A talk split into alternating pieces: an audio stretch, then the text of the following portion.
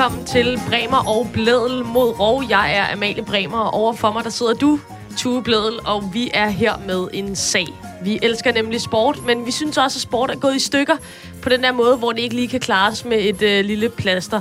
Sport er godt og grundigt knækket med korruption, vanvittig kapitalisme, døende migrantarbejdere, overgrebssager og øh, hvad har vi ikke efterhånden.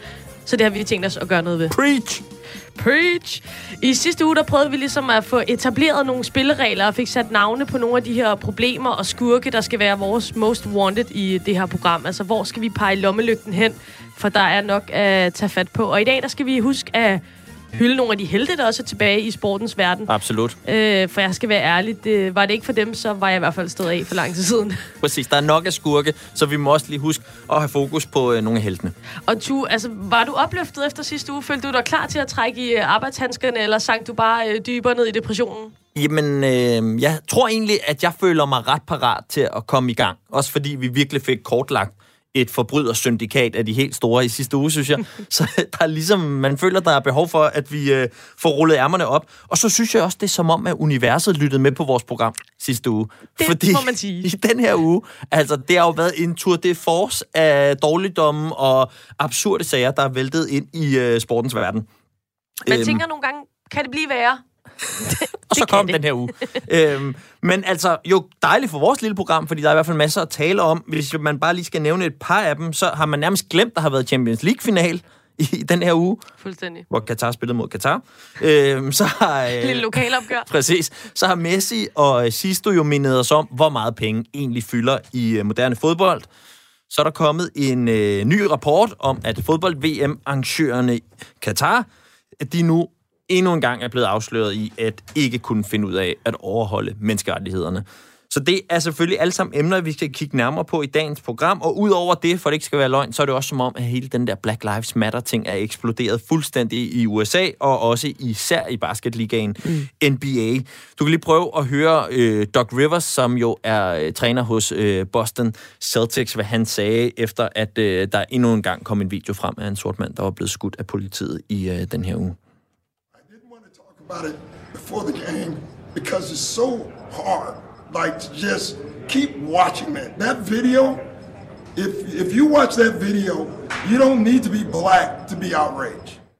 Ja. Han er med følelserne ude på tøjet, og det er rigtig mange spillerne jo også. Øhm, men det er også noget, vi kommer nærmere ind i øh, senere i programmet. Ja, men for helt øh, kuldegysning af at høre det her klip, synes jeg, så det, det vender vi tilbage til. Øhm, vi starter øh, lidt mere opløftet, øh, tror jeg godt, vi kan sige. Øhm, det skal jo være lidt af hvert. Og Ja. øh, vi starter øh, ugens program med en, øh, en lille form for ugerevy, hvor vi lige øh, stikker hovedet inden for i nogle af de mest interessante sportshistorier for den her uge. Lad os springe ud i det.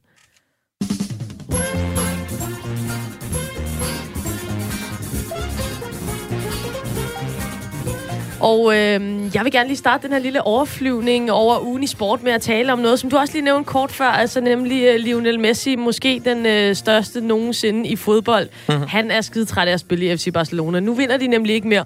Og så er det bare slet ikke sjovt. så er det bare ikke så fedt Øv. længere. Øh, og det håndterer han ved at sende en, øh, det, med, det, der hedder en burofax.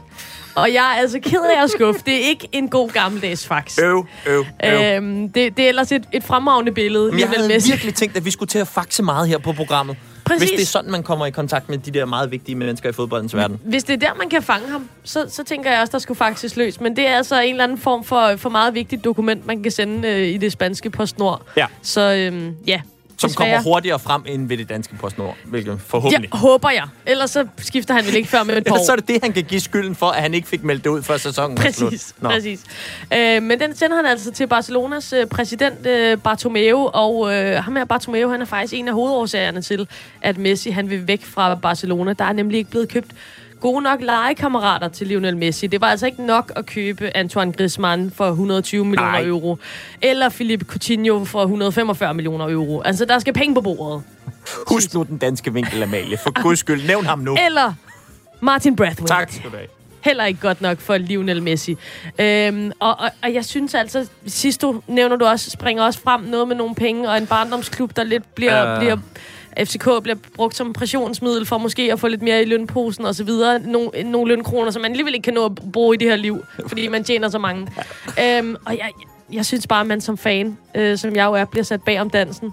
Øh, jeg kan ikke følge med længere. De Det er, ikke på sådan, det er ikke sådan, man føler, man møder dem nede på baren længere, vel? Det er det altså ikke. Altså, øh, selv hvis jeg handler i Irma, så, så føler jeg heller ikke, at jeg møder dem. Ej, altså, det for. det skal være endnu finere. Meget De finere. flyver til London og går i Sainsbury's eller et eller andet og handler ind der, og så flyver hjem igen. Præcis. Øh, så altså, de lever på en anden planet, de her mennesker, og jeg synes bare, som en almindelig dødelig sportsfan, så bliver man øh, lidt træt. Ja, det forstår jeg øh, virkelig godt, og deler din smerte.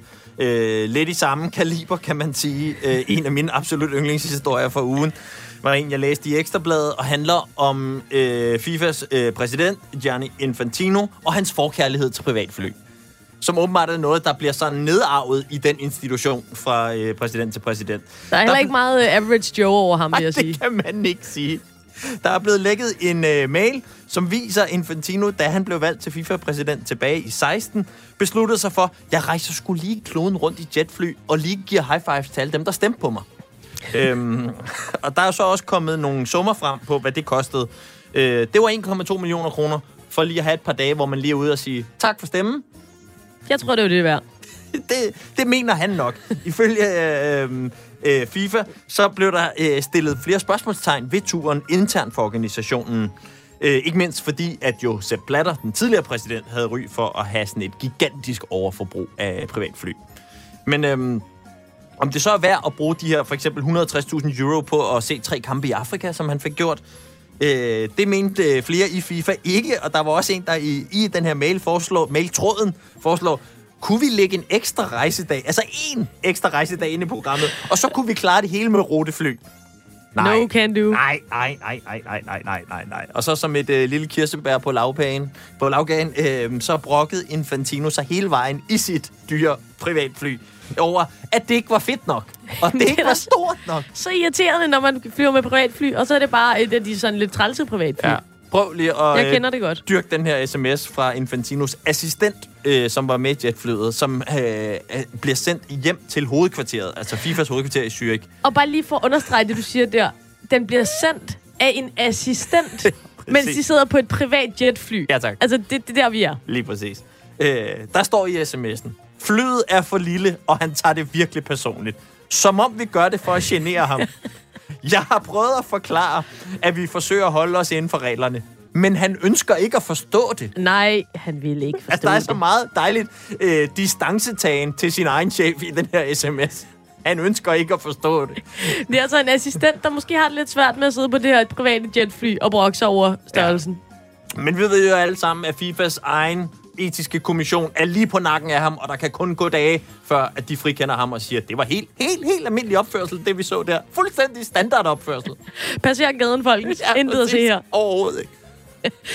Øhm, I denne uge, der er jeg også øh, rigtig glad for en anden historie. Der øh, kom en, i hvert fald forløbig Mhm. afslutning på en øh, rimelig snusket og, og meget kringlet sag fra øh, intet mindre end øh, orienteringsløbsverdenen.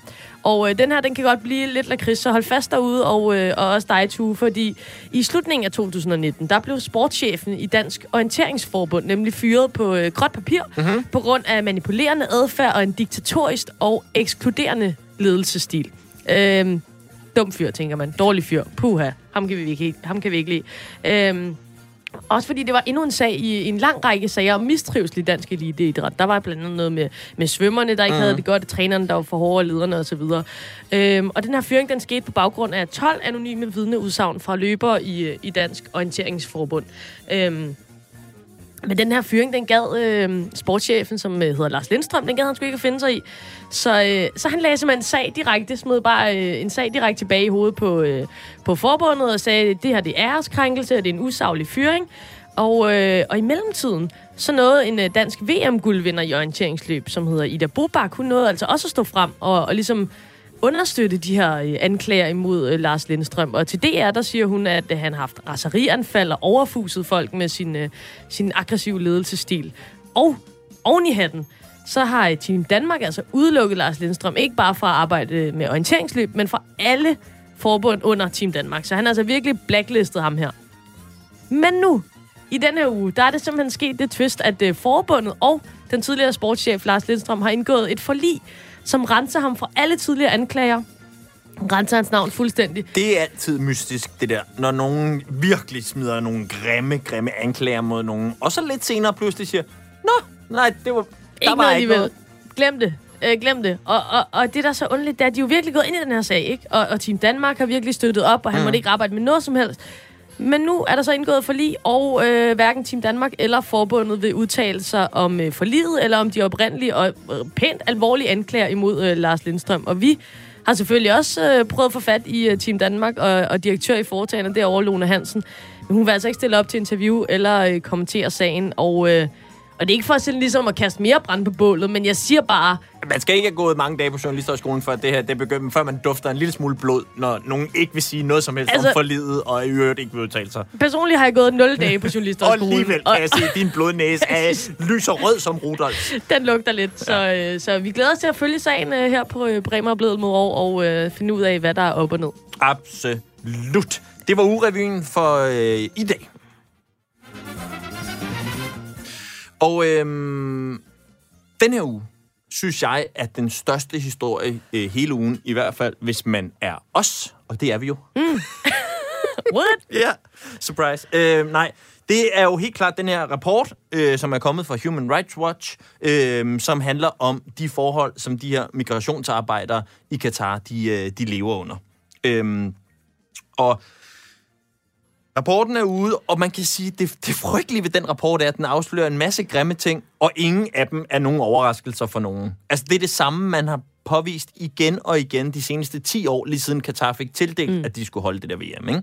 Ja, Men- det sørgelige er, at der er jo ikke rigtig nogen nye oplysninger. Overhovedet Det ikke. nye er, at det er stadig lige så rådent, som det hele tiden har været. Virkelig. Øhm, og jeg synes lige, at vi kan prøve at øh, høre et klip øh, fra øh, Radio 4's eget fodboldprogram, 4 på foden, hvor øh, vært Dan Grønbæk i mandags havde Stanis Elsborg fra Play the Game øh, med, hvor han forholdt sig til rapporten, og i øvrigt øh, også, hvad den øh, fortæller. Jeg skal lige øh, finde ham. Han er... Det billede, vi får i, i rapporten nu, ligner det billede, vi har fået i øh, rigtig, rigtig mange år nu fra rapporter fra Amnesty International og så også fra Human Rights Watch. Og det er jo forhold, hvor øh, man er bundet til sine arbejdsgiver, altså det, som hedder kafala-systemet, altså hvor man i princippet er stavnsbundet til den arbejdsgiver, man nu har i en, øh, i en årrække, så man kan ikke rigtig rejse ud af landet igen eller skifte arbejdsplads for den sags skyld så har man øh, meget, meget kummerlige forhold for de her migrantarbejdere. Vi hører nu øh, stadig historier om, at man har næsten ikke adgang til øh, vand, man har, får ikke sin løn, så man kan ikke købe mad. Man bor på meget få kvadratmeter, altså ikke kun sig selv, men jo sammen med 10 andre. Øh, og så øh, er det jo desværre bare i et øh, klima, hvor at, øh, det jo ikke er så øh, fornuftigt, at man ikke har adgang til vand, for eksempel. Ja, sådan lød øh, nogle af højdepunkterne, har jeg ikke lyst til at kalde det. Måske Nej. Mere lavpunkterne fra den her rapport, øh, set gennem øh, Stanis Elsborgs øjne, som jo er fra øh, Play the Game. Nu kan vi så sige øh, velkommen til programmet til øh, Signe Plambæk. Hej Signe. Hej. Signe, du er jo øh, seniorforsker hos Dansk Institut for Internationale Studier, og et af dine primære forskningsområder, det er moderne slaveri. Øh, og de her ting, vi hører øh, Stanis fortæller om her, og som man kan læse i den her rapport, det er selvfølgelig ikke ligesom den gang, hvor man tvang mennesker på en båd og mod deres vilje sejlede dem over Atlanten i øh, lænker, som den klassiske forståelse af slaver. Men hvorhen i nogle af de her beskrivelser ser du så alligevel nogle lighedspunkter mellem slaveriet dengang, og så det, vi oplever i Katar i dag? Jamen, det er jo det, at man er tvunget til at, at arbejde under kummerlige vilkår, under, ligesom under øh, øh, den oprindelige form for slaveri. Øh, at ens arbejdskraft bliver udnyttet, at man ikke selv kan komme væk, øh, man kan ikke skifte arbejdsgiver, øh, og at man i det hele taget lever under virkelig urimelige øh, vilkår, uden at få ordentlig betaling for det.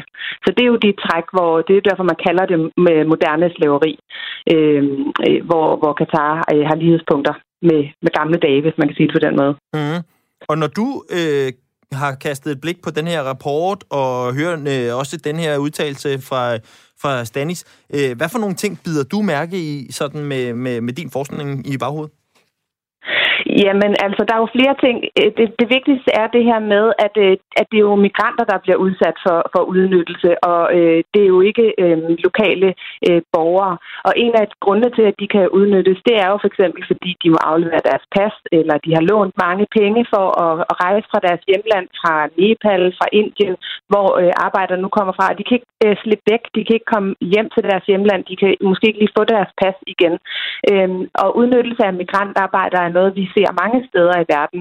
Øh, og, og så er der så det her med, at det er byggebranchen, øh, som også er en udskældt øh, branche i forhold til udnyttelse af migranters arbejdskraft.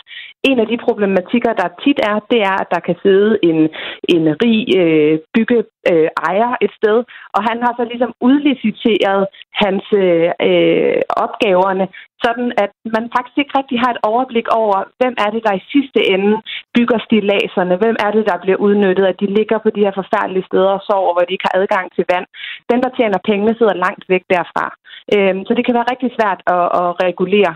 Øhm, så det er bare noget af det, men det er helt typiske tegn på, på det, nogen kalder moderne slaveri, arbejdsudnyttelse, tvangsarbejde, som Amnesty øh, kommer frem med her. Og hvad hvis man siger, jamen altså, der er jo netop ikke nogen, der er i lænker her. Øh, det er jo folk, der gerne har vil øh, tage et arbejde. De har måske endda fået at vide øh, i nogle tilfælde, hvilken løn det er. Øh, hvad, hvad siger du til argumentet, der hedder, så kunne man jo bare lade være? Ja, men altså det, som, som er sket i flere af de her store byggeprojekter med sportsbegivenheder, det er, at øh, de bliver hyret i deres hjemlande, lad os for eksempel igen tage Nepal, øh, og, øh, og får at vide, at de vil få en bestemt løn, når de kommer frem. Og de skal låne en masse penge for overhovedet at få lov at komme til Katar, øh, til penge eller til visum, øh, til rejsen, til at finde et sted at bo. Men lige pludselig ude i lufthavnen, inden de skal flyve, øh, så får de at vide, hov, du har fået en ny kontrakt, øh, du får kun halvdelen af lønnen. Men der har migranten jo allerede lånt øh, en masse penge. Han har måske pansat sin jord, han har solgt sit hus, for det er familiens store mulighed for, at han kan komme til at tjene penge. Så på den måde øh, kan man jo godt sige, at han frivilligt har pansat sit hus eller lånt penge, men han er ligesom indgået på nogle vilkår, som udviklede sig på en måde, han ikke har sagt ja til. Og det er derfor, man ender med at kalde det øh, slaveri, moderne slaveri, eller, og de får mulighed for at lægge sag an, hvilket mange af migranterne dernede så også har gjort gennem forskellige organisationer. Jamen, jeg bliver bare nødt til at, at træde ned. Jeg, jeg er sådan helt målløs. Altså, det, det, er jo, det er jo så sindssygt. Ja, det er vildt nok, at det ligesom er, også fordi, at det jo er en, vi snakker jo ikke 10, 20, 30 mennesker. Altså, der er 2 millioner af de her øh, arbejdere alene i, øh, altså i Katar. Altså det, ja, jeg ved ikke, jamen altså, vi må, vi, vi må blive endnu klogere, men, men det er voldsomt. Ja, og Signe, altså, nu, nu har du så en indsigt i det her område. Hvad tænker du om, at man har taget en beslutning om at tildele et land som Katar et VM, hvor man ved, at stort set alle stadion skal bygges helt fra bunden af, syv ud af otte for at være øh, konkret? Altså, der er i hvert fald en masse ting, man kan være opmærksom på, inden man indgår en aftale. Øh, nu er Katar og flere steder i Mellemøsten ikke berygtet for at betale øh, migrantarbejdere og behandle migrantarbejdere øh, ordentligt. Så der kan, inden da kan man jo allerede være opmærksom på, at der er nogle problematikker. Øh, er der for eksempel fagforeninger? Øh, har de nogle, hverdags hvad er deres arbejdsmiljølovgivning øh, øh, i Katar, så vidt jeg har forstået nu? De kom hurtigt frem og sagde, at vi laver da lige lovgivningen om, vi skal nok øh, at overholde arbejdsmarkedsloven og alle de her ting. Øh, men, øh, men det er bare ikke rigtig blevet fuldt op. Så man skal jo være opmærksom på, om der bliver lovet en masse ting, når man indgår den øh, øh, aftale, øh, som de måske ikke lige lever op til i virkeligheden senere. Og så er der den anden problematik, som jeg var inde på før, at nogle gange, så er det måske faktisk ikke øh, regeringen, der har overblikket, fordi det er private virksomheder, hvis rige ejere sidder et helt andet sted i verden, og bare får nogle migrantarbejdere til at lave arbejdet øh, i Katar. Så det kan være rigtig svært at opspore, hvor præcis at det går galt. Øh, og alle de dy- øh, dynamikker, det ved vi allerede. Så når man indgår aftaler om slutrunder eller øh, olympisk lege, øh, så har ved vi allerede rigtig meget om, hvad der typisk sker i de situationer, især i byggebranchen. Signe, hvis jeg nu sagde, at jeg havde øh, to billetter til åbningskampen, øh, og jeg kunne sende dem til dig, vil du så tage imod dem? Måske vil jeg tage imod dem, men jeg vil være med til at protestere mod migranternes vilkår i Katar. Okay, det, og hvordan er, er, vi, er, er det ved at iføre dig en eller anden form for protest-t-shirt, hvor der står øh, flere penge til migrantarbejderne, eller hvor, der, hvordan gør man det? Altså, jeg synes jo i hvert fald, at øh, det kan jo være svært at aflyse de her store begivenheder og slet ikke øh, afholde dem. Og mange af migranterne, øh, det er jo også arbejdspladser. Så man skal jo finde en balance i gang mellem at sige, hjælper det at boykotte alt det her? Øh, skal det virkelig være sådan, at vi kun kan have slutrunder i rige lande med øh, ordentlige arbejdsreformer? Eller skal vi faktisk i stedet for at sige, at vi kan godt afholde det der, der skal også nok komme gæster, men vi skal lægge pres på. Vi skal have NGO'erne involveret, ligesom Amnesty også ligesom tager fat i det. Er det faktisk en mulighed for at lægge pres på for at få fagforeninger, øh, der behandler øh, migrant, som migrantarbejdere, kan blive behandlet ordentligt? Så det er jo en balancegang mellem at sige, at vi lukker helt ned, vi vil ikke have noget med det at gøre, eller jeg tager dig ned, men, øh, men jeg vil øh, protestere mod vilkårene. Men jeg skal lige have igen, Signe, hvordan er det, du protesterer de op fra række 27? altså, nu tager du mig lige på grundet. Det har jeg jo ikke lige overvejet. Men øh, nu er jeg jo forsker, så jeg vil jo nok øh, kontakte nogle organisationer, der kunne protestere bedre, end jeg kan op på syvende række. Det er modtaget. Signe, tak fordi du var øh, med os i dag. Det var så lidt som jo altså er seniorforsker hos øh, DIS, Dansk Institut for Internationale Studier, og blandt andet har moderne slaveri som øh, forskningsområde. Amalie, jeg elsker VM i fodbold. Altså, det jeg det tror bedste. ikke, jeg er ikke en lige så stor fodboldfan som dig generelt, men jeg elsker VM i fodbold. Og jeg ja. kan godt mærke, det, jeg har svært ved det. Jeg, jeg, bare det, når Signe siger, jeg tager dig ned, men så gør jeg noget, så kan jeg mærke, hvor meget jeg har lyst til at hoppe på hendes hold og sige, ja, kan vi, kan vi ikke se det, og så alligevel være okay? Ja, men det kan vi ikke. Altså, det kan vi ikke, fordi det, det, hun starter med at sige her, det er så vanvittigt, og jeg bliver virkelig vred, kan jeg mærke, og jeg bliver virkelig ked af det, fordi jeg synes, det er så forkert. Og det er, det er så sindssygt, at det sker, i, i, det sker for åbent tæppe. Altså, det er ikke nogen hemmelighed, det her, og det er sket i 10 år, og det bliver ved med at ske, og der er ikke nogen, der gør en skid ved det, som rent faktisk kan gøre noget. Så du er ude i, over fra din høje hest derovre, at du det, siger nej tak til de åbninger? Ja, du kan godt se, at du har boostet kontorstolen lidt, bare for ligesom den at illustrere. helt op. Ja. Jeg, jeg sidder sådan helt krumrykket, helt op under loftet, fordi Ej. jeg kan ikke komme højere op. Men seriøst, har du taget stilling til, at du ikke kommer til at... Øh, altså, tage dig ned, er måske også en, lige en, en, skal man også lige have råd til og sådan noget, men også, hvad med at se det i fjernsyn? Jamen, jeg, jeg, jeg kommer ikke til at tage dig ned, øhm, og jeg, jeg er en, en simpel pige, der er meget, meget glad for fodbold, øhm, så jeg, jeg synes, det er rigtig, rigtig svært, øh, og jeg tror, jeg, jeg, er, meget, jeg er sikkert øh, ret repræsentativ for rigtig mange fodboldfans, øh, formentlig til dels dig selv inklusiv. Øh, jeg, jeg skifter meget frem og tilbage. Den mm. ene uge, så, så står jeg helt hårdt på det, og det gør jeg også lige nu, fordi nu har vi lige hørt fra Sine, og det er helt vanvittigt så, så tænker jeg, at jeg kommer ikke til at se et minut af det her, fordi det bliver jeg bare nødt til at tale en standpunkt. Øh, og så på den anden side tænker jeg, men det er VM i fodbold, og hvad hvis Danmark skal med? Og hvad hvis, altså, mm. kan, jeg ikke, øh, kan jeg bare se, se, se highlight-pakker? Er det så okay, hvis jeg ikke ser nogen live-kampe, og jeg bare følger lidt med? Altså, det, det er sindssygt, sindssygt svært, det her. Øhm, så, så altså, men, og jeg synes, altså det var jo vidunderligt ærligt for sine ligesom at sige, jeg vil sgu nok tage imod de billetter, og så prøve at gøre et eller andet dernede. Mm. Øhm, og det er jo det, jeg har lyst til at hoppe med på det hold. Men jeg kan også godt se, lidt ligesom sine, så har jeg også lidt svært ved at finde ud af, hvad er det konkret, jeg så gør? Og tror jeg på, at det altså, gør noget? Fordi man møder jo ikke lige Sheik et eller andet op i buffeten og kan Nej. sige, ej, menneskerettigheder er faktisk meget fedt projekt ud. Altså, det ja, er jo bare ikke sådan, det rigtig kører. Nej, og der må man bare sige, der er masser af eksempler på, på de her, altså vi snakkede om det med, med Sochi, øh, OL, øh, mm. der skulle man også øh, protestere indfra, og der var der også nogen, der havde øh, regnbuefarvet negle på, på, på præmiepodierne og så videre, men det bliver bare ved, øh, og det her fænomen sportswashing, det er jo en kæmpe, kæmpe stor ting. Det sker i, i fodbold, og det sker i rigtig, rigtig mange andre sportsgrene, hvor at diverse totalitære regimer og despoter rundt omkring i verden, de øh, ligesom blåstempler sig selv øh, ved at øh, afholde store sportsbegivenheder, fordi så valgfarter folk fra hele verden til.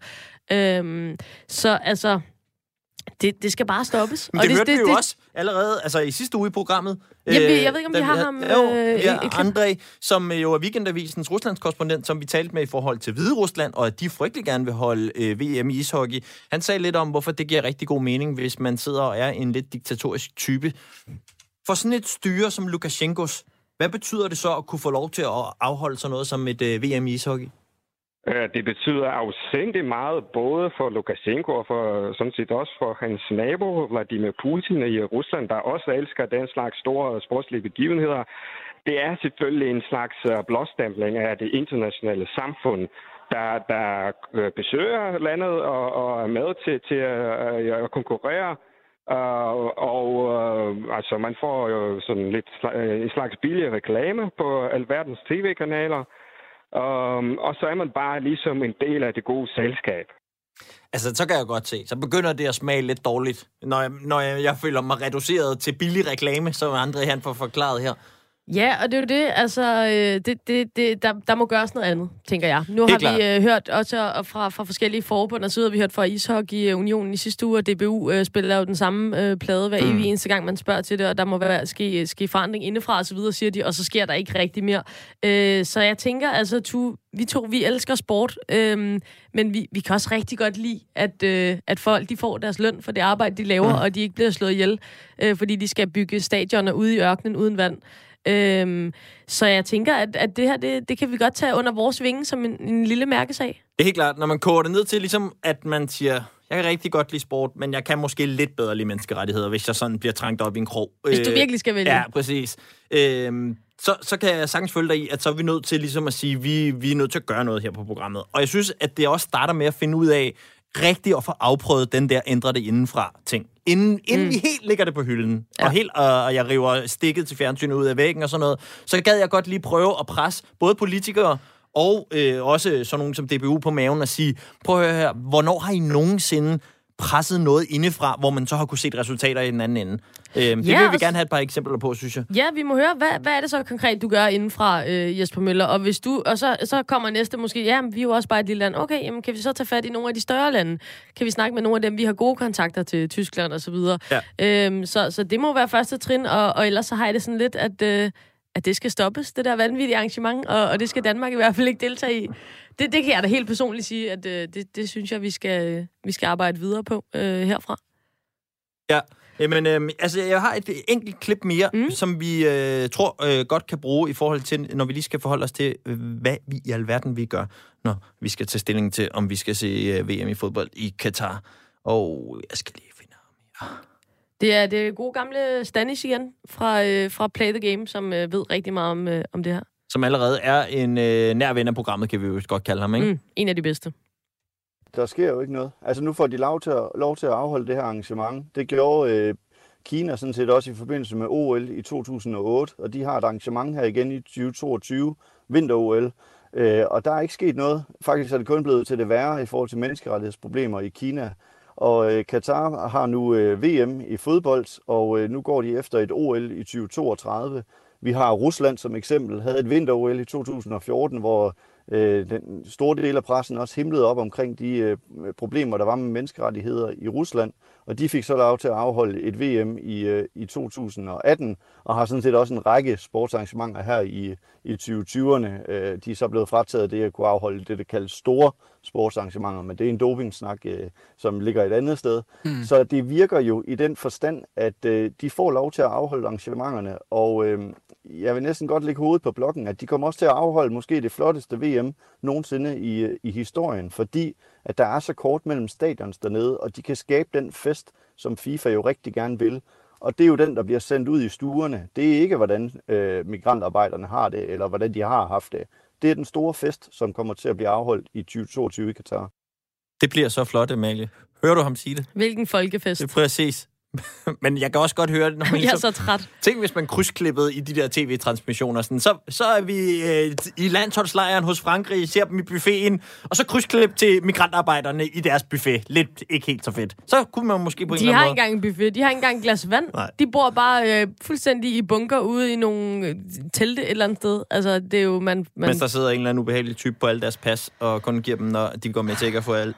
Det er deres ikke- forvejen dårlige løn Det udbetalt. er ikke øh, det sidste, vi hører om det her. Her fra, øh, fra vores program i hvert fald. med garanti. Men før at vi ender med at blive en eller anden form for sportens svar på presselogen, hvor der Ja. sidder en masse gamle sure mænd og peger fingre af noget, de synes er i vejen, så er det jo også vigtigt at huske, som du også sagde indledningsvis i programmet, at vi skal hylde de få, der er tilbage i sportens verden, som holder faklen højt, og som er fede. Det er og, det. Og som vi, gør det for kærlighed til sporten. Præcis. Vi skal, vi skal lidt op, og vi skal også netop hylde dem for... Øh, det, det, det kunne være, der kommer endnu flere. Det kunne være så dejligt. Ja, præcis. Og, og så synes jeg også det der med, netop som vi jo advokerer meget for, at altså, sportsstjerner skal kunne sige tingene, som de er. Ja. Altså, hvis, hvis vi skal kunne føle dem og mærke dem og gide og se på dem hver evig eneste uge, så skal de også kunne være ærlige over for os, og ikke være gemt væk blandt alle mulige floskler og øh, agenter og øh, PR-folk. Ja, Øhm, altså det er det, der giver mig udslet. Det er, når man kan høre, at det er en eller anden kommunikationsmand, der har skrevet et fint lille talepapir. Så, så bliver jeg instantly bare træt og får lyst til at slå hovedet igennem en væg et eller andet sted. Ja, øhm, og det vil vi gerne undgå. Så derfor så tænker jeg, nu prøver jeg at smide nogle klip efter dig. Mm. Jeg har været i arkiverne og kigge efter nogen, som man godt kunne kalde helte i mine øjne. Øh, så kan vi lige diskutere, fordi det er jo også den der, vi er jo ikke ude efter spejderdrengen. Det må også godt Nej. være nogen med lidt kant. Gerne, meget gerne. Det er, det, Øhm. det, er jo det allerbedste. Ja. Og, og du ved, mennesker er jo både gode og dårlige og sådan noget, så det er jo, ikke, altså, det er jo også en held. En, man kan spejle sig i. Øh, så, så det er lidt af det hele, tænker jeg. Men ærlighed, det er vel frem for alt det, vi godt kan lide. Og første klip, jeg har til dig, det er øh, Christian Grego Jacobsen, jo fra Sønderjyske, Mm. øh, som jeg synes godt kunne komme med i vores helteklub for den gang, hvor han, altså i mine øjne, decideret indrømmet over for TV3, at de tabte med vilje til Midtjylland, fordi i hele det der nedrykningsspil, der ville det give dem en nemmere modstander og en bedre vej til ligesom at sikre sig og blive op i, øh, i Superligaen. Ja. Øhm, og øh, efter den kamp, så sagde han sådan her. Christian Grego Jacobsen, du virker tydeligt frustreret. Prøv lige at fortælle, hvorfor. Ja, men det tror jeg, alle kan se jo. Det er, det er til grin jo. Der er ikke så meget mere at sige. Altså, det, det gør ondt på stoltheden, synes jeg, men øh, ja, man øh, gør det bedste for klubben jo. Hvad er det, der er til grin? Ja, men det, det kan alle jo se. Altså, det behøver du ikke at spørge om. Taber med vilje i dag? Nej, men vi går jo... Altså, jeg, jeg ved ikke, jeg gider ikke engang at stå, og jeg synes bare, det er til grin. Når alt kommer til alt, så får I jo en øh, 8. plads, og kommer I ligesom i den gode pulje. Hvad betyder det? Det er fint, og nok når vi lige kommer hjem og, og køler ned med lige nu, der synes jeg bare... Ja, det, det er noget mærkeligt noget. Altså, jeg har aldrig været med til noget lignende. Hvorfor ikke? Ej, men altså, det er jo tydeligt. Ej, men altså. Hvorfor ikke? Ja. Hvorfor du ikke snydt før? Ja, Ja, ej, jeg synes, altså, selvom at han så, som jeg husker forløbet, ret hurtigt bagefter klappede rimelig meget i omkring det, og ikke vil sige mere. Jamen, så kommer og, kommunikationsmanden jo Ja, ja, men med sin alligevel. klamme hånd og ligger var, på ham. han var den eneste fra det hold, som i hvert fald var så meget oppe i det røde felt lige efter kampen, mm. at han sagde noget. Og det synes jeg godt, man kan hylde ham for. Ja, yeah, og der vil jeg da sige for min egen regning, det var jo mega tydeligt. Ja, ja. Altså, det var... Og, og det, er jo, det er jo bare øh, den der skide struktur, som vi så endelig har sluppet af med skyld. Men det er da fuldstændig fremragende, at der er en så stor sportsmand, det vil jeg da sige, han er. Ja. For han gider ikke at tabe. Det er da noget pis. Præcis, altså. det ligger for dybt i hjertet, at ligesom det, det føles som et overgreb på ham. Fuldstændig. Ja. Og det, det føler jeg sgu. Grego, han øh, ryger op i øh, Heltens Klub. Ja, for den der, der kan vi godt... Øh... Øhm, så har jeg en, jeg er lidt mere øh, spændt på at høre, hvad du siger til, om vi kan gøre ham til held. Det er øh, Jesper Skiby. En cykelrytter. Ja, tak. Okay. Efter en bjergetappe i turen. Øhm, og kan vi gøre ham til held, når vi også godt ved, at han var en del af den der brogede flok, der holdt os for nar i et årti cirka omkring mm. doping. Øhm, men alligevel så elskede jeg ham for i hvert fald at gøre, at jeg kunne gå op i øh, cykelsport, fordi han også kunne finde ud af at være ærlig, om ikke andet, øh, og i hvert fald omkring øh, dagens etape. øh, du kan lige få med. Og øh, netop nu har vi fået Jesper Skiby hen til os. Jesper, velkommen i mål. Hvordan var dagen for dig? Du er cirka 25 minutter efter vinderen. Ja, det er jeg faktisk meget tilfreds med. Det må jeg indrømme. Jeg synes, at det gik OK. Hvem kørte du sammen med i, i dag? Og det var sådan lidt forskelligt. Øh, Så... Det første bjerg, der kørte jeg med nogen. Og så blev jeg så splittet igen. Det er sådan lidt, du ved, uh, hip som harp, ikke? Og så til sidste bjerg, der kørte jeg op alene. Så tænkte jeg, tager det stille og roligt, ikke? Og så... Men så var det sgu, jeg synes, det var så stejlt, så man kunne sgu ikke tage det stille og roligt. Hvornår, øh, hvorn- hvornår lå du der falde, falde tilbage? Hvornår blev du hægtet af? De gjorde sgu med det samme. Der var, der var ikke så meget pjat. De gjorde det med det samme, de røvhuller jo. Hvordan har benene det til i morgen? Øh, lige nu, der kunne jeg så godt tage dem af og smide dem ud, altså. Så nu vil jeg lige lægge mål i bussen, eller hvad det er, vi har her. Har du hørt, øh, at Hamburg har styrtet to gange på vej ned fra Tourmalet? Pis. Det er noget pis. Noget pis, pis, pis. Andet er der ikke at sige til det. Nej, jeg er kraftsbarn med. God tur igen i morgen. Åh, her vidunderligt klip, vi har lånt fra TV2 her. Altså, Ja, og med en ung Line Baum Danielsen Ja. også på reporter duty. som godtager, at det, prøv at lægge mærke til, at det første svar er i virkeligheden bare Skibi, der siger, Hæ? Hæ? Hæ? Hæ? så stiller hun bare det næste spørgsmål, som om det er helt godtaget. Det siger lidt om, hvem man er. Øhm, nå. Jamen, jeg, kan jo ikke, jeg har svært ved at være sådan der, han er ikke en held, fordi at, du ved, han tog doping, og det gjorde de alle sammen. Men Ja. ja. det her klip, ej, hold kæft, hvor er det fedt. Det er jo vidunderligt, ikke? Øhm, og altså, ja, jeg har det også sådan, at han i det mindste, så har han jo også stået ved det på et eller andet tidspunkt. Den ja. Indrømmelse kunne godt have været kommet meget før, Ja. men den er dog kommet, og øh, hver eneste gang, man spørger ham til det, så svarer han jo gladeligt om, hvordan er han, ligesom han siger, nu, nu skal jeg over og ligge i den der bus, eller hvad vi har. Eller hvad det er, vi nu har fortæller derovre. han jo så om, hvad det var, der foregik i den bus, når man læser derinde, ikke? Så var det Jo. bare direkte i på drop øh, frem til øh, næste dag. Øhm, en, øh, en enkelt held mere, vi kan Mhm. tage stilling til, øh, som er Kasper Julemand, øh, der jo øh, er landstræner for fodboldlandsholdet, Ja. og som i øh, også øh, et program her på kanalen, øh, fremkaldt, tog afstand for den rolle betting har fået i, øh, i fodbold. Det klip, det har vi liggende her. Øhm, er du også derhen, at du synes, spilreklamer skal forbydes? Ja. Øhm, og det er jo, jeg synes jo bestemt ikke, det er noget, som vores børn og unge skal, skal, skal se for meget på. Så nej, jeg synes, der er et problematik i forhold til, til spiludbyder og, og vores sport. Jeg synes ikke, at, at det er det rigtige, vi skal bruge vores... Jeg kan kun, og igen er det endnu en gang sådan, at jeg fordømmer ikke nogen, som gør det. Nej. Men jeg kunne aldrig finde på selv at gøre det, fordi jeg synes faktisk, det er et problem. Jeg synes faktisk, det er noget, vi også igen som branche burde gøre noget ved. Altså, hvis det ikke var, fordi jeg ikke vidste, hvordan den her mikrofon den ville reagere, så ville jeg jo klappe meget højt ind i den. Ja. Altså, det, det er altså en mand efter mit hjerte, det der. Hold da op. Og det kan godt være, at han undsiger sig øh, den ene og den anden og den tredje sponsor og sådan noget, men altså, væk med det lort. Absolut. Altså, øh, man kan bare tage en tur ned forbi øh, nogle af de her steder, hvor man også kan sidde og bette live. Nogle af de her butikker, hvor folk sidder bare altså, og mister deres liv, øh, mens de sidder og kigger ind i nogle skærme. Øh, og så derudover kan man også tage, hvor meget det fylder, og hvor meget magt det har i forhold til, hvornår kampe skal vises. Og altså, det har jo bare helt klart taget overhånd også, hvis du øh, spørger mig. Så det er da virkelig, virkelig dejligt at have en landstræner, der, øh, der melder ud på den. Ja, kæmpe held for det, og jeg håber virkelig, at, øh, at øh, man også kan se, at, øh, at det på en eller anden måde resonerer hos folk, at mm. han er ærlig, og han har en holdning til ting, og at han ikke bliver, øh, bliver trykket tilbage øh, ned i et eller andet musehul, hvor han ikke må sige noget. Øh, fordi jeg synes, at det her det er sindssygt befriende, og jeg, jeg er i hvert fald bare endnu større fan af Kasper Julemand øh, efter det her. Jamen, øh, vi er på udkig efter helte, så øh, hvis du sidder derude og har et øh, godt tip til en øh, sportshelt i dine øjne, så må du endelig øh, skrive ind til os øh, på programmet, så vil vi meget gerne vide det, og vi skal selvfølgelig nok også holde øje, sådan, så vi kan krone nogle nye helte i øh, næste uge i programmet. Mm. Så skal vi forbi NBA. Det kommer vi ikke udenom i den her uge, hvor der for alvor er gået øh, Black Lives Matter i den. Og inden vi dykker helt ned i det, så hørte jeg øh, et afsnit fra podcasten The Daily, der handlede om NBA og den der boble, de har bygget op, hvor de spiller deres playoff-kampe, og som andre sportsgrene også forsøger sig med. Øhm, I Disneyland, det er bare meget sjovt. Ja, præcis. Og det er selvfølgelig ikke tilfældigt. Det er fordi, at Disneyland er ejet af, af ejer ESPN, som sender rigtig mange NBA-kampe, mm. og på den måde så spiller penge igen en dejlig rolle i sport. Skønt, skønt, skønt. Øh, nå, men i den her podcast, der kom bare, og det havde jeg fuldstændig glemt, jeg følger ellers en del med i NBA, fordi jeg selv har spillet basket og går sådan op i det. Men så blev jeg lige mindet om det der med, hvor crap en sæson det har været for NBA, og det er virkelig sådan en historisk crap sæson. altså, vi snakker, det, den startede med, at øh, en af ejerne for Houston Rockets, en af klubberne i NBA, han kom til på et tidspunkt, og det virker allerede som om, det er en livstid siden. Men der var jo engang nogle protester i Hongkong. Jamen, det er det. ja. Det må vi ikke have tid til at tænke på i rigtig lang tid. Øh, pro-demokratiske protester dernede. Øhm, og han øh, var i, tror jeg nok, i Hongkong på noget forretningsrejse, og bliver fanget og kommer lidt til at, gud ja, det er da egentlig meget fedt med demokrati. Jeg tweeter uh. lige noget om det.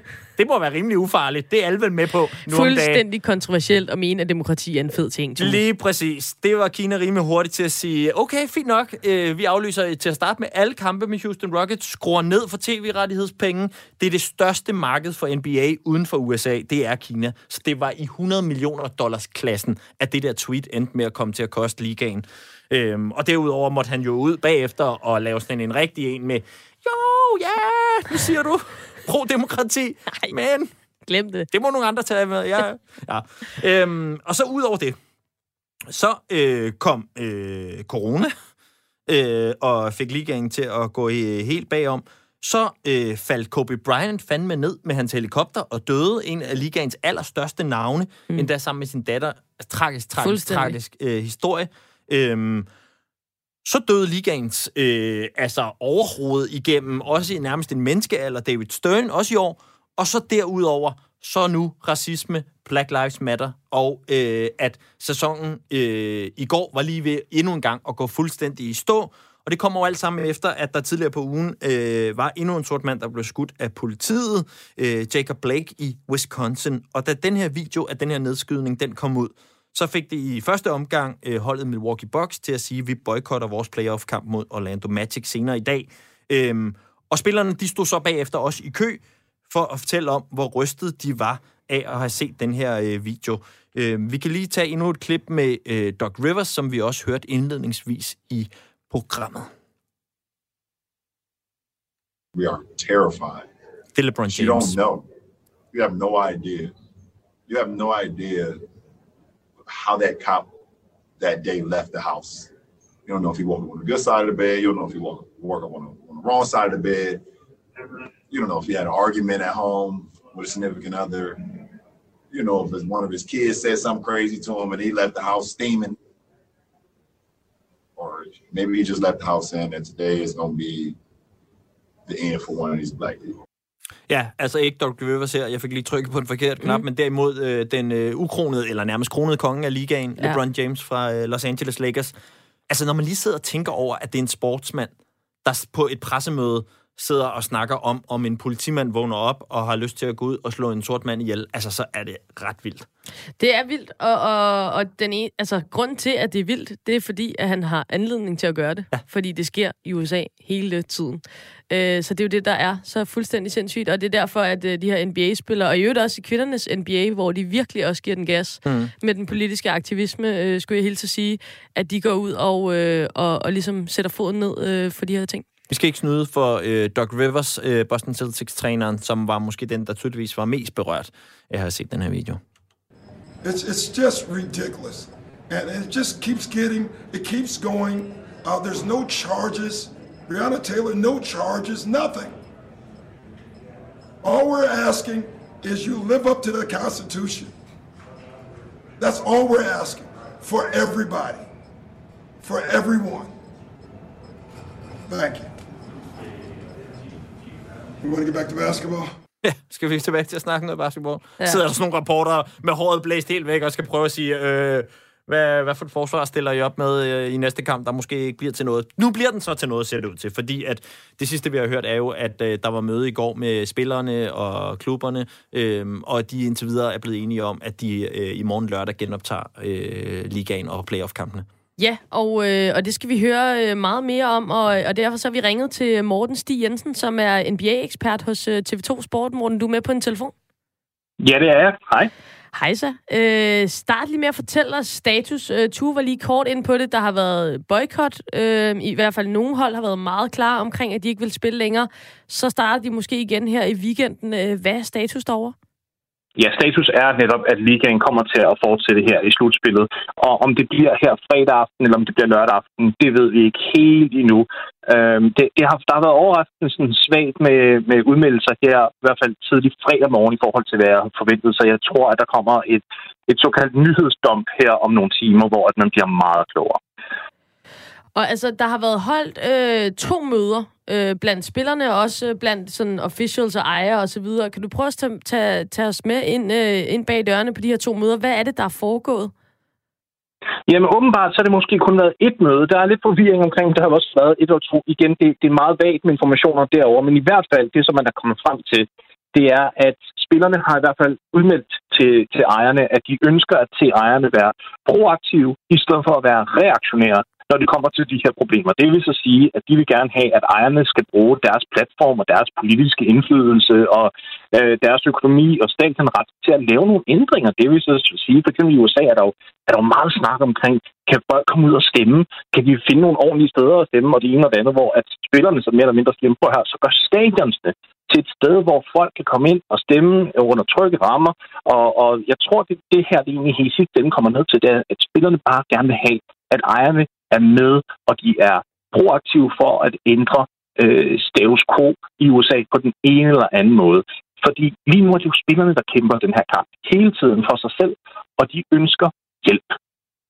Morten, øh, det lyder jo egentlig som noget, der vil være meget nemt og lige til. Det kan alle i hvert fald, måske herovre på den anden side af Atlanten, blive enige om. Ja, gør stadion til et sted, hvor man kan stemme. Flere, der kan stemme, det er altid fedt. Øh, hvorfor er det alligevel lidt kontroversielt for de her ejere? Jo, men det kan det jo være på grund af, at ejerne jo har øh, visse politiske affiliationer øh, selv. Det kan jo være, at der er nogle af ejerne, der er republikanere og måske støtter op omkring øh, en Donald Trump øh, eller nogle andre republikanere måske faktisk ønsker at udlade visse segmenter af befolkningen, som ikke skal stemme. Så der er nogle interessekonflikter fra, fra ejernes perspektiv af. Øh, det skal siges, at det er baseret på, hvordan de her ejere doneret til de diverse præsidentkampagner tilbage i 2016. Jeg skal ikke gøre mig klog på, om de stadig står øh, primært republikanske nu til dags i 2020. Og hvordan generelt med, med betydningen for de her protester? Altså, fordi når vi sidder her, så, så er der en masse artikler og så videre om, at, øh, at øh, nu sætter de foden ned, og nu vil der ikke blive spillet, og der bliver boykottet og så videre. Det, det kommer til at virke meget opsigtsvækkende og få rigtig meget medietid. Men, men hvordan, altså, hvor meget fylder det derovre? Hvad siger fansene, og hvad siger alle dem rundt om, om NBA øh, til det her? At dem, der er rundt omkring NBA, altså støtter op omkring. Hvis man er tæt på NBA på en eller anden måde, og man følger ligaen intenst, så er der generelt støtte. Hvis man kigger på den mere gængse NBA-fansen, dem der er lidt ude på periferien, der, der er det splittet. Øhm, du har primært øh, syden, folkesyden, hvor som er stemmer primært republikansk, er meget imod det her, og, og kan, kan ikke lide den her bevægelse, og kalder Black Lives Matter for en terroristorganisation, og synes, at NBA er ved, er ved at faktisk at, at blive en politisk organisation i sig selv, hvor at andre simpelthen støtter op omkring det, og siger, jamen prøv at høre, jo mere vi egentlig kan sammenkoble politik og sport i den her instans for at fjerne racisme, er en positiv ting. Så når det kommer til, at, at, at fans øh, begynder at snakke, så er det, så er det ret spændende. Og øh, i forhold til, til de her møder, som, øh, som vi også øh, spurgte ind til tidligere, altså, øh, det var ligesom fremme, at LeBron James og, og hans hold Lakers og Clippers især var meget øh, vokale omkring, at de ville have, at, øh, at ligaen skulle lægges ned. Øhm, hans rolle i alt det her, LeBron James, som, som den allerstørste spiller, hva, hva, øh, hvor meget fylder han? Jamen, han fylder utrolig meget. Det, det er jo klart. Han er, han er jo ligaens ansigt ud af til. Han er meget, meget verbal omkring øh, politik og sociale emner. Han har bygget skoler og alt muligt. Så, så hans stemme betyder absolut noget. Øh, og det møde, det var jo et, det var spillerne, og det var ikke fordi, der blev sådan, som sådan stemt om, hvem der, om, de, om de skulle forlade øh, NBA-boblen i Orlando, eller hvad. Det var mere sådan ligesom for at få øh, en finger på pulsen om, hvor er vi henne? Og der var det så Lakers og Clippers, de to Los Angeles-klubber, der så sagde, at vi synes, vi skal gøre noget ud af det her ved egentlig simpelthen at lukke hele sæsonen ned. Hvor at de andre klubber sagde, at vi, vi tror rent faktisk på, at det er klogere at lade sæsonen blive ved, fordi så har vi altså stadig den her platform. Vi har nogle, altså, muligheden for at blive interviewet efter kampene, hvor vi også kommer ud med vores beskeder. Vi har Black Lives Matter, som der står i store, fede, sorte bogstaver hen over gulvet ved alle kampe. Vi, vi har nogle beskeder at sende her. Hvis der ikke er noget basket, er det så relevant. Så det har været den øh, snak, der har været. Og for LeBron, der tror jeg simpelthen, det i sidste ende ender med at, at lave så meget larm som overhovedet muligt, så opmærksomheden kommer der over på, på de problemer. Og med dit indblik i, øh, i NBA og dine kilder og så videre, øh, hvordan ser du fremtiden for NBA, når vi kommer ud på den anden side af det her? Det er et rigtig godt spørgsmål, fordi at nu skal vi jo heller ikke glemme, at der også lige er en coronavirusepidemi over os, og det, det ændrer jo også lidt øh, i henhold til, hvornår næste sæson overhovedet spilles. Øh, der, det er helt på usikker grund. Altså, årets NBA-draft for eksempel, det er også blevet skudt til ubestemt tid, så vi, vi har simpelthen ikke nogen idé om, øh, hvornår ligaen starter igen. Det kan være, at vi skal vente helt til 2021, og, og derfor udfra, så er, det jo, så er det jo simpelthen så svært at sige, fordi så kan det politiske landskab også se markant anderledes ud. Morten Stig Jensen, NBA-ekspert hos øh, TV2 Sport. Tusind tak, fordi du var med her. Ja, lige, Morten? Øh... Oh. Undskyld. Ja. Morten, hvem vinder egentlig NBA i år? Ved du hvad, hvis du, hvis du spiller på kampen, så, så smider de 10 procent min vej, okay? Jeg kan garantere, um... at vi bedre ikke her i programmet, så på den måde, så kan du roligt sige det. jeg, tror, jeg tror, det bliver Los Angeles Clippers. Modtaget. Godt. Yes. Jamen, øh, Morten, tak fordi du var med, og, og øh, vi snakker sikkert ved. Det håber jeg da i hvert fald. Det er et rigtig godt program, I har stablet op. Tak. Det er vi glade for. Tak, morgen. Ja. Og altså, jeg synes bare, at øh, jeg faldt over, at det, det i den her uge var præcis fire år siden, at øh, den amerikanske quarterback i NFL, øh, Colin Kaepernick, han gik øh, på knæ første gang Vildt nok. under øh, den amerikanske nationalmelodi, og jo virkelig fik på puklen. Altså, det sluttede hans karriere, basically, i, øh, i NFL. Vi er kommet et stykke siden da, og så alligevel ikke. Jeg ved ikke rigtigt, hvad man skal synes. Jeg synes da i hvert fald, at når man kigger på NBA, så er det da helt tydeligt, at der er nu en form for øh, altså, diskurs, der hedder, du kan ikke tillade dig at sige, at vi skruer ned for det her. Ingen gang, hvis du er en republikansk klubejer, mm. kan du rigtig tillade dig at gå ud og sige, at det skal ikke fylde noget. Der, til det er bølgen ligesom for stor. Øh, så der synes jeg da helt klart, det er tydeligt, man er nået til et eller andet, ikke? Ja. Som man ikke var øh, dengang, og måske stadig langt fra er i for eksempel øh, NFL. Øhm, Ja, fordi der, der er jo også stor forskel på de her sportsgrene i amerikansk sport. Altså, hvordan vi ligesom ser, at, at ja, hvor mange sorte spillere, der for eksempel er i basketball. Så det er jo klart, det, det er ligesom en af de sportsgrene, der går allerforrest. Øhm, men det breder sig jo faktisk, altså både i baseball og i ishockey og ja, kvindernes NBA, som vi nævnte. Øh, også tennisen. Der, der begynder også at komme alle de her sådan, aktivistiske sportsfolk, der begynder at, at sætte sig på tværs og, og ligesom veje med fladet for, for politiske sager. Ja, jeg vil også sige, øh, at lige med den her sag, der virker det faktisk som om, at der, kommer, der går det i den rigtige retning lige nu. Øh, men det er virkelig spændende at se, også fordi der er jo også det der med spillerne, og hvis de ender med at afbryde noget sæson og sådan noget, så bærer de jo også en del af omkostningerne for tv-rettigheder, så gør det lige pludselig ondt på pengepunkten, og så ved vi alle sammen godt, så, er det altså, så bliver det lidt mere irriterende at være politisk korrekt og, og gå op i en sag. Fuldstændig. Så der, der, der er mange ting, der bliver spændende. Altså det, du nævner, der bliver spændende. Jeg, og jeg er også meget sådan nysgerrig på, fordi det er jo ret nyt, det her. Mm. Altså når de vir- virkelig stiller sig frem på den her måde. Øh, så jeg er nysgerrig på, hvad betyder det uden for den her NBA-bubble? Altså vi, kan, vi snakker om det her, og vi synes, det er interessant og spændende. Hvad sker der? Det er en bølge, som du siger. Men har det nogen virkning ude i, i den virkelige verden? Og det er bare sjovt at tænke sig, hvor langt der må nære til, at nogle fodboldspillere kunne sidde og komme med nogle af de her udtalelser, vi hører. For eksempel Doc Rivers og LeBron James komme med. Altså, det, der skal man godt nok lede øh, langt i arkiverne for at finde noget, der, øh, der minder om. Det vender vi øh, helt sikkert øh, også tilbage til i øh, fremtidige programmer. Jeg tænker, vi måske lige kan slutte ugen med øh, det, der vel har været den største sådan, helt almindelige sportshistorie, nemlig det her med Messis ønske om at forlade Barcelona. Mm. Og det, jeg tænkte, vi kunne fokusere lidt på her i programmet, det er det der beløb, der er blevet nævnt på 700 millioner euro, altså 5,2 milliarder danske kroner. Eller småpenge, som jeg kalder det. Ja, præcis. Som du ikke engang, beløb, du ikke vil bukke dig ned på gaden efter. Pantpenge. Ja. Øhm, og det er jo øh, det her øh, beløb, som er blevet nævnt som, at det skulle der betales, hvis man skulle købe Messi før tid fra Barcelona. Ja. ja. Og altså, det er jo fair nok, at det de er blevet enige om, men det siger også bare et eller andet om noget det, du også sagde i starten af programmet, det der med, det er svært at føle sig som en del af den sport, eller at man er på nogen måde er i øjenhøjde med det, der foregår, Nej. når så nogle beløb bliver kastet om sig. Man kan ikke følge med øh, ja. længere. Det er, øh, ja, det er en anden galakse. Og vi øh, journalister, vi elsker jo øh, at lave øh, sammenligninger, sådan lidt eller hvor mange chokofanter kunne man så købe for det der beløb, for ligesom at øh, her fra Danmark kan forstå det, ikke? Ja, ja. Det er jo et 650 millioner chokofanter, hvis du er interesseret i det. Men, Jeg er øh, vild med chokofanter, ja. så det... Øhm, men jeg har set lidt på tallene, som man siger, Mhm. hvis man er en regnedreng. Meget modsat mig. Åh oh, gud, hvor jeg håber, jeg ikke bliver tjekket efter tallene. Nå, øhm, og altså, det anslås, har jeg regnet lidt på. Der er for eksempel cirka 2 millioner migrantarbejdere i Katar, som vi talte om tidligere ja. i uh, programmet. Hvis nu Barcelona og Messi besluttede sig for at donere hele hans frikøbsklausul, altså de her 5,2 milliarder danske kroner til formålet, så vil der faktisk være penge til, at vi kunne aflønne samtlige 2 millioner migrantarbejdere til dansk mindsteløn på 110 kroner En i en hel løn. uge. I en hel uge. I en hel uge. Samtlige 2 millioner. Jamen, det er jo så sindssygt. Og der, der vil jeg bare sige, Barcelona, der spiller med UNICEF på maven, og hvad har vi Ja. ellers? Men det vil undre mig, hvis de brugte de Vi penge kan på. også gå Infantino-vejen. Øh, Ja. FIFAs præsident, der som vi også nævnte i programmet, er svært, svært begejstret for privatfly. Det billigste tilbud, jeg lige umiddelbart kunne researche mig frem til, når det kommer til at lege privatfly. Du har været i markedet? Jeg havde ikke en Uber, der kunne det, Okay. øh, men jeg har været inde lige at tjekke. Det er 83.000 for øh, en tur på sådan en 6-8 timer, ikke? Men er det så et rigtigt privatfly, Det er eller er det et af de der små nederen, som Infantino han... lædersæder, hele okay, multjavsen, ikke? Ja. Øh, og med Messis frikøbsklausul, så kunne vi lege, hold nu fast, 62.561 privatfly, som vi kunne flyve til Katar, load den op med migrantarbejdere, der kunne sidde og drikke whisky og i læderstol hele vejen hjem til Nepal. Jamen, hvad venter vi på? En armada af fly, der bare lander. Hvad venter vi Ja, på? præcis.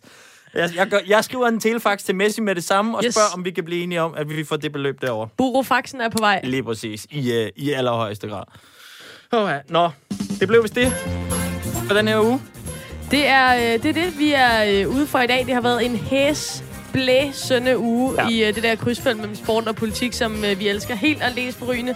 Der er meget at tage fat på, og i dag der har vi i hvert fald fået talt os ind på nogle af de sager, som øh, ligger os på sinde øh, her på øh, Bremer og mod Rov. Vi er tilbage igen næste fredag 13.05. Ses! På genhør.